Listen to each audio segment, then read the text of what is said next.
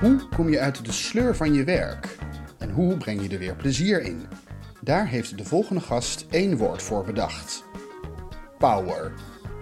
Ik, Bob Brinkman, ga erover in gesprek met Elisa Schipper. Elisa, welkom. Dankjewel. Leuk dat je er bent. Ja. Als ik het goed heb, heb jij de oplossing om meer energie en plezier in je werk te krijgen. ja, Leg uit. dat klopt. Ehm, ja, eigenlijk is dat zo begonnen. Ik heb heel lang in een crisisopvangcentrum gewerkt, waar allerlei mensen zaten met heel veel problemen. En eh, omdat ik zag dat mensen zelf niet meer de regie over hun leven hadden, ben ik eh, coach vernieuwend denken geworden. En daarbij leer ik mensen als het ware hun eigen geluk weer te maken en de regie terug te pakken over hun leven. En omdat ik daar in een team werkte eh, waarin we heel flexibel moesten zijn, ehm, continu met deze doelgroep omgaan en ondertussen alle ballen hoog houden, merkte ik dat er veel mensen uitvielen. Ehm, zowel met een burn-out of het gewoon niet meer zagen zitten in het werk. En vanuit daar ben ik het vernieuwend denken om gaan zetten in de Power Your Work methode. Om te kijken hoe je dus vol energie eh, naar je werk kan. Je werk kan beleven met een positief eh, effect. En vervolgens ook weer met energie naar huis gaat. In plaats van dat je thuis uitgeblust op de bank zit na een dag. Ja. Ja, en ehm, dat doe ik inderdaad door de, door de methode Power Your Work. Ja, En over deze methode gaan we het de komende 20 minuten uitgebreid hebben. Dat doen we alleen niet met z'n tweetjes. Ik heb namelijk een, eh, een sidekick aan mijn zijde, een deskundige, een assistant. Ehm, ja, Simone van Gerwen. Simone, welkom. Dankjewel. Leuk dat jij er bent. Dank je. Ehm, kende jij deze methode? Nee, Zou, nee ik zou, ken er niks. Nee. zou zo'n methode om wat minder uitgeblust te zijn op je werk, echt zin te krijgen in je werk, misschien voor jou, nou niet per se voor jou, maar voor, voor jou of een van je collega's voor jou? Nou, ik denk dat er zeker eh, mensen zijn die daar heel veel baat eh, bij, eh, bij hebben of kunnen hebben. Ehm, ik moet, als ik voor mezelf spreek, eh, ik vind mijn werk zo leuk dat ik daar zoveel energie uithaal dat ik ook gewoon vol energie thuis kom. Ehm, maar ik ben ontzettend nieuwsgierig naar deze methode. Ja. Nou, om, om echt helemaal bij de, bij de wortel te beginnen van de power methode. Wanneer zou je herkennen aan jezelf van volgens mij ga ik niet meer met plezier naar mijn werk? Ja, wat jij net al zei, jij, jij vertelde, jij gaat met veel plezier naar je werk, je haalt er heel veel energie uit. Eh, vaak is dat ook wel eens een valkuil, want het wil niet zeggen dat je werk niet leuk is ehm, eh, om uitgeblust te raken. Maar het kan ook zijn dat je wel het gevoel hebt dat je heel veel verantwoordelijkheden hebt. En ehm, ik denk vooral de vrouwen die thuis ook bijvoorbeeld moeder zijn, ehm, naar de hockeyclub moeten s'avonds, ondertussen de was nog willen doen en er leuk uit willen zien. En dan nog de ballen hoog houden op het werk, dat dat is soms te veel. En dat is iets wat er eigenlijk langzaam insluipt. En in de tijd dat we heel veel dingen doen, op social media bezig zijn en dergelijke, overal van op de hoogte willen zijn, laden we eigenlijk niet meer op.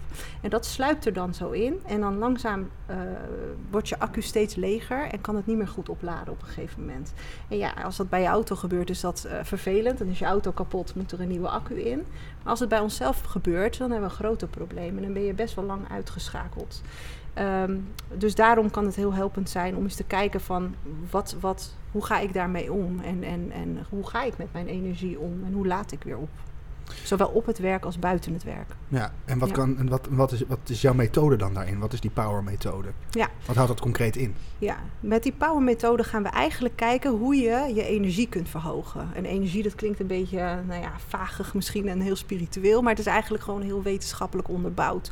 Op het moment dat jij eh, eh, onaardige dingen tegen jezelf zegt, eh, eh, onbewust jezelf angst aanpraat over eh, allerlei dingen die je misschien spannend vindt of moeilijk, eh, raak je in een lagere energie.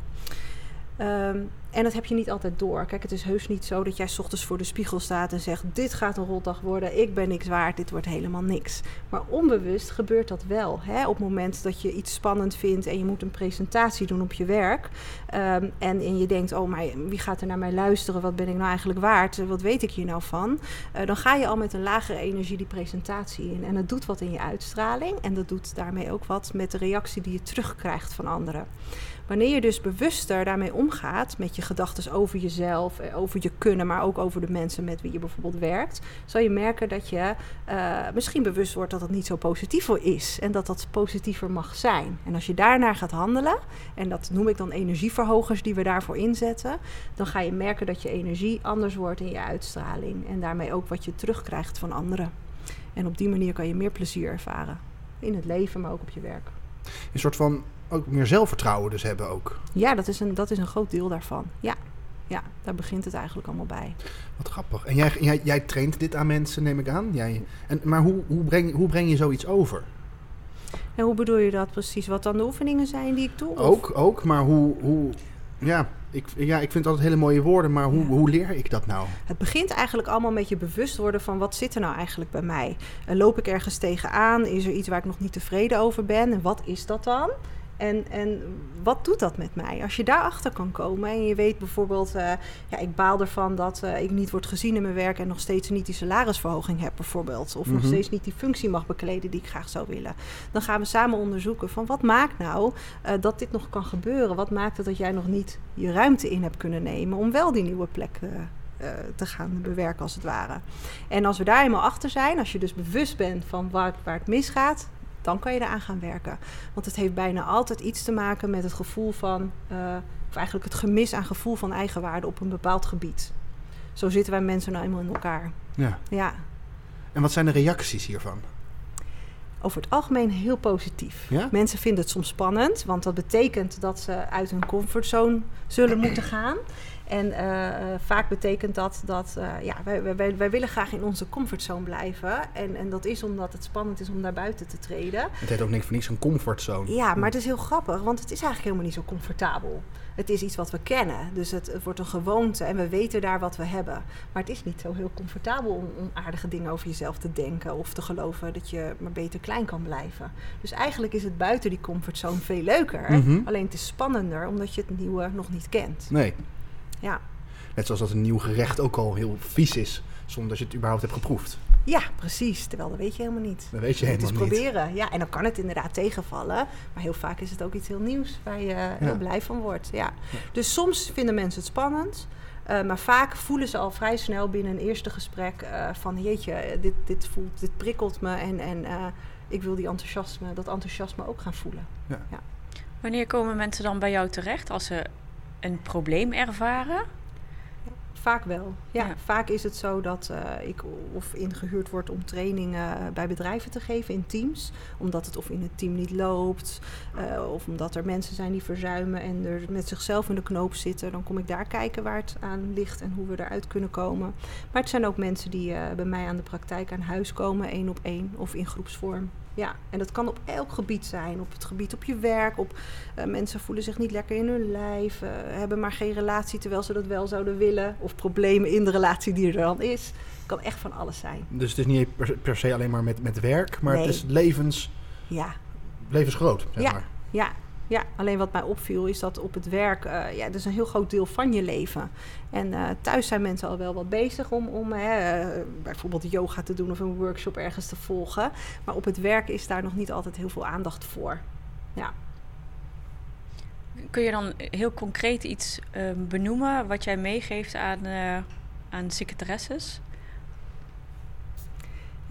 Eh, dat is bijvoorbeeld een van de punten, zou bijvoorbeeld al kunnen zijn: ehm, hoe kom je ergens binnen? Hoe presenteer je jezelf? Als je van tevoren al denkt dat dit een lastig gesprek gaat worden en dat mensen je niet zien staan, dan kom je met die uitstraling binnen. Ook al heb je nog geen enkel woord gezegd. Dus eigenlijk presenteer je al met: eh, Nou, doe maar niet, want ik ben het toch niet waard. Of het gaat toch niet goed komen. En dat ruiken mensen op een of andere manier.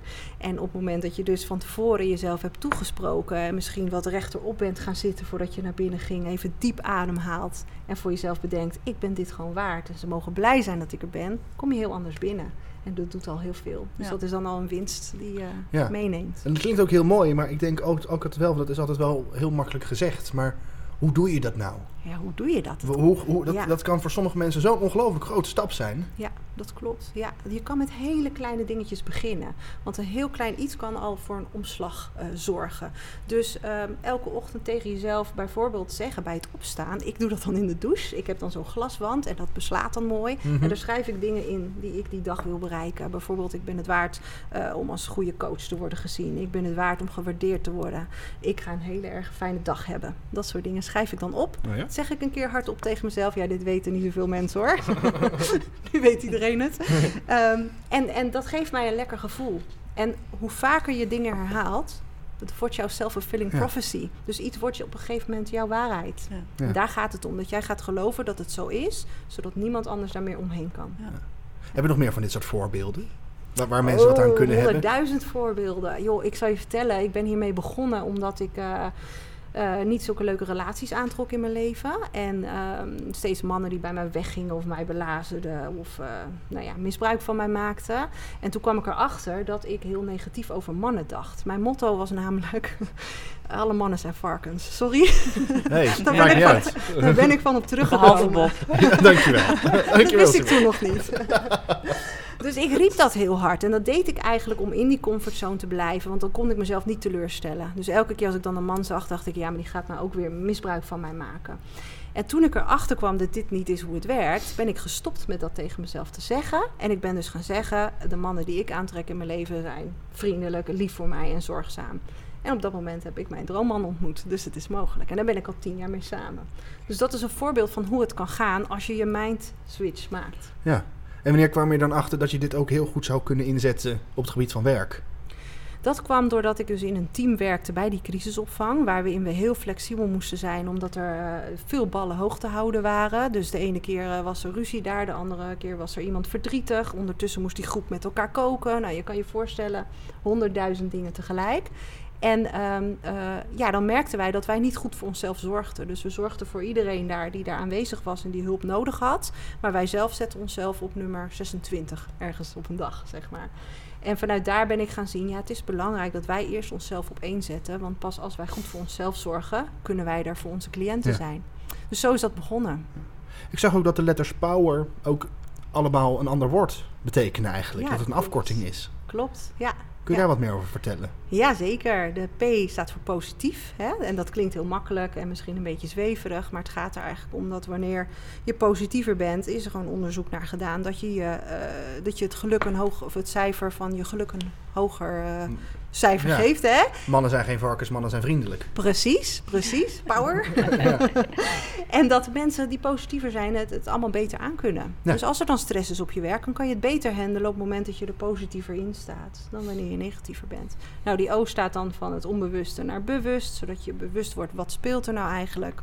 W gaat over waarde van jezelf vooral, maar ook van de mensen met wie je werkt. Hoe je daar positievere eh, draai aan kunt geven. Ja, precies. Dat je niet alleen ehm, jezelf wat meer waarde geeft, maar dat je ook niet boven de rest gaat Ja. staan of zo.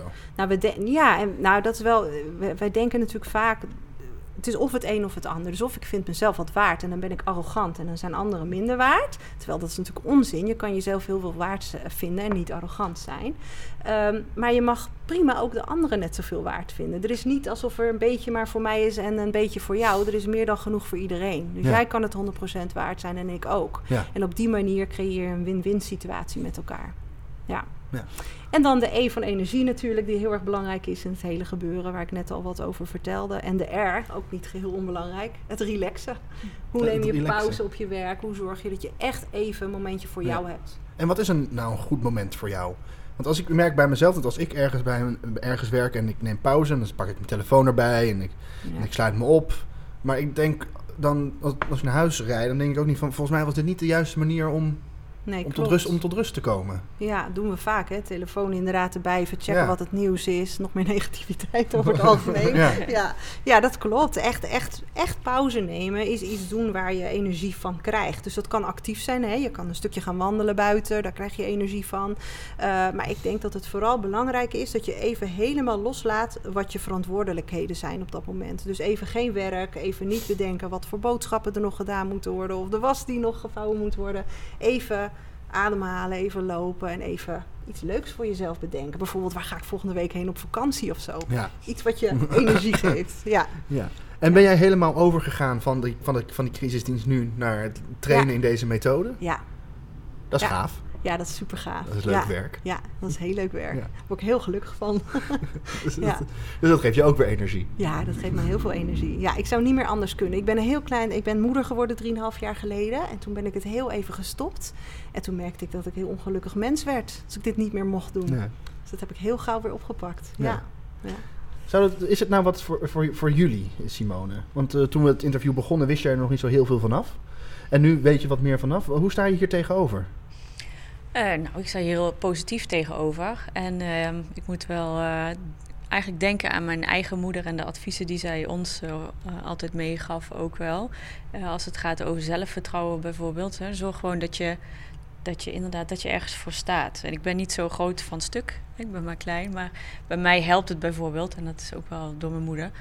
Gewoon, als ik niet helemaal zeker van ben en ik wil gewoon ergens voor staan, trek ik mijn hak aan. Weet je wel? Dan ben ik iets meer op ooghoogte ja. bij de meeste mensen. Maar dat helpt bij mij. Ik denk dat dat voor iedereen uh, anders is. Maar ja. zorg dat je, dat je in ieder geval daar... dat je over je uiterlijk bijvoorbeeld geen onzekerheden hebt. En gewoon zeker weet waar je voor staat. Maar daarmee zeg je ook iets heel moois. Want je, met die hakken zeg je eigenlijk... ik mag ruimte innemen. Ja, zeg dat kin omhoog, borst ja. vooruit. Ja, en dan het maakt het wel. niet eens uit of je die hakken aan hebt. Het gevoel nee. dat jij tegen jezelf ja. hebt gezegd... ik ga ruimte innemen. Want Zo dat doe je het. onbewust. maakt al dat er iets verandert. Ja, ja. en inderdaad van het positieve uitgaan. Hè. Als je iets moet doen, kijk wat je te winnen hebt en niet naar wat je te verliezen hebt. Ja. En, uh, ja, en dat je daar altijd een keuze in hebt. Want dat is in mijn werk wel duidelijk geworden. De mensen die in de problemen zaten, hadden niet meer het gevoel dat ze daar zelf uit konden komen. En wat ik heel vaak probeer te laten inzien, is dat je altijd een keus hebt. Je hebt altijd een keus. De situatie is misschien zoals die is, maar jij hebt een keus om ermee om te gaan op een manier waar jij voor kiest. En jij kan er dus over geloven wat jij wil. Kies je voor een angstig gevoel en zonder hoop, of kies je ervoor om te bedenken wat zou hier wel eens uit kunnen komen? Ja. Ja. Dat is altijd een keus. Ja. ja. Maar als ik dit zo hoor van jou, Simone, zijn deze levenslessen ook zo, zo oud als, als de weg naar Rome. Ja, ja. ja, maar het is wel fijn dat ze af en toe ook nog eens uh, verteld worden of ja, herhaald en, worden. En opgepoetst worden Zeker, en in een nieuw ja. jasje worden. En wat hipper inderdaad. Ja, ja inderdaad. Het hoeft allemaal niet zo zweverig. Nee. nee. Wat denk je nou, uh, Elisa, dat als iedereen deze methode zou gebruiken, dat de wereld dan een stukje mooier zou zijn? Um, nou ja, weet je, weet je wat het is? We hebben ook het stukje negatief nodig. Weet je, je, je kan niet um, uh, licht ervaren zonder dat er af en toe donker is. Dus het is ook nodig om te ervaren dat het af en toe vervelend en rot is. Alleen ik denk dat heel veel mensen daar te lang in zitten uh, en te heftig en te vaak. En dat is niet nodig. We zouden wat vaker aan de andere kant kunnen zitten en wat meer de positiviteit kunnen ervaren. Dat denk ik. Maar we hebben het ook nodig. Ja. Dat is dualiteit die mensen gewoon willen op een of andere manier. Ja, dat is yin-yang. Ja, ja, maar het kan zeker positiever. Ja, ja. er is nog genoeg werk te verrichten. ja. En hoe ga jij dat doen? Uh, door heel vaak uh, deze trainingen te geven. Ja. Dus ja. spread the world. Spread the word, ja spread zeker. Word, ja. ja, all over the world. all over the world. ja. Elisa Schipper, Simone van Gerwen, dank jullie wel. Dank je wel.